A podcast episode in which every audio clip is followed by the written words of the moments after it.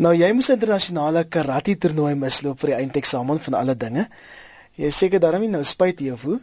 Nee, glad nie. Na my uitslae is ek baie bly dat ek wel daai kans misgeloop het.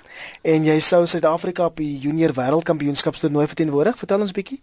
Ehm um, ja, ons het elke jaar ESA's en dan hang dit af van die toernooie wat wag en dan gebaseer op verskillende ehm um, ranke ehm um, besluit hulle maar hoeveelste of wie gaan deelneem aan die verskillende toernooie. Ja, en jy sou Indonesië toe gaan, hè? Ja, ek dink ek was ingesluit ehm um, ingesluit by die span, maar ongelukkig kon ek dit nou nie maak nie. Wel, gelukkig vir jou, jy het toe 8 onderskeidings behaal. Was dit jou mikpunt? Ja, dit was definitief een van my groot mikpunte. En hoe lyk jou punte? Vertel ons bietjie. Ehm um, al my vakke het ek bo 90 en dan my beste vak is rekeningkunde waarvoor ek 'n gemiddeld van 100% gehad het. Het jy dit verwag? Nee, ek het dit nie verwag nie, maar ek het definitief daarna toe gewerk. En hoe kry mense 100% in rekeningkunde en gemiddeld van 90% in die res van jou vakke? Mense werk baie hard, maar ek seker dit het ook met talent en ehm um, my onderwysers te doen wat my baie ondersteun het. O ja. My onderwysers, ek weet nie hoe om dit beskryf nie. In ons skool werk hulle amper harder as die leerders. Hulle gee vir ons ekstra klasse oggend in die oggende en die middag en hulle sal self seker in die aande ook as ons regtig dit nodig het. En hulle doen soveel mo moeite met notas en opsommings en hulle help ons dat ons regtig die werk verstaan en net die beste vir ons nastreef. Hier by ons in die ateljee is jy dalk laatens ingeskakel het. Dis Menay Eys, sy's Gauteng se top matriekleerling vir 2015, verbonde aan die Afrikaanse Hoër Meisieskool in Pretoria Affies, 717 onderskeidings opgelewer. Iets in die drinkwater?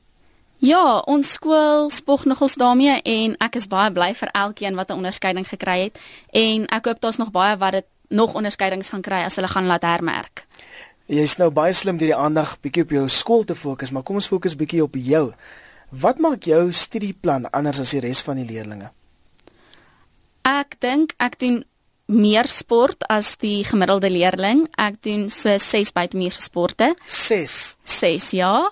En ehm um, dit het my gehelp van kleins af help dit my met tydsbestuur en daarom kan ek vinniger leer dink ek en vinniger goed verstaan en die vars lig help my om die goed vinniger in te neem en ek dink dit help met my prestasie. En dan hoe lyk jou studieprogram min of meer wanneer jy nou wel tyd het om om te leer? ek maak seker ek leer vooruit want anders te gaan ek definitief nie tyd hê nie. Maar dan leer ek gewoonlik of my huiswerk kry tyd tussen 4 en 6 en dan oefen ek karate tot so 9 uur wanneer ek weer terug by die koshuis is en dan daarna moet ek tyd aan my studies bestee en ook van my vriendinne help as hulle na my toe kom. En dan daarom te slaap ook, né? Nee? Ja, ja, nee, maar ek kry darm tyd daarvoor. Nou jy's op pad tikkies toe vir chemiese ingenieurswese. Wat beplan jy vir jou toekoms? Ek wil na chemiese ingenieurswese graad gekry het, wil ek spesialiseer in biochemiese ingenieurswese oor see vir ehm um, verkieslik en dan sal ek maar kyk waar die pad my vat. En jou ouers, wat doen hulle? My pa is 'n metallurgiese ingenieur en my ma is 'n finansiële bestuurder. En hulle ondersteun jou sekerlik baie. Ja, hulle ondersteun my en motiveer my en maak net seker ek het 'n gebalanseerde lewe. Hmm. Wil jy later in Suid-Afrika woon en werk?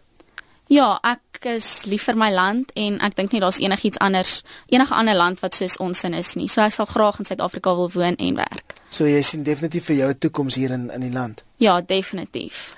Jy raad aan van die matrieks wat dalk nie so goed gedoen het nie, baie van hulle het gedryp. My raad aan die matrieks is moenie opgee nie en bly positief. Soek in alledaagse goed motivering om hard te werk en as jy aanhou sal jy dit regtig reg kry en ja, bly net positief. En vertel ons van gister se groot geleentheid voor ek jou groet waar jy nou amptelik aangewys is as Gauteng se topmatrikulant. Wat het daar gebeur?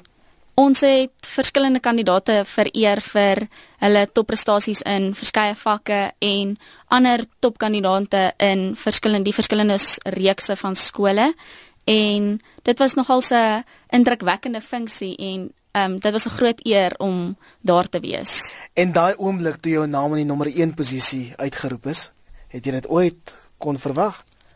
Alhoewel ek geweet het dis ek is omdat die artikel in beeld was, maar nee, eintlik het ek dit glad nie verwag nie.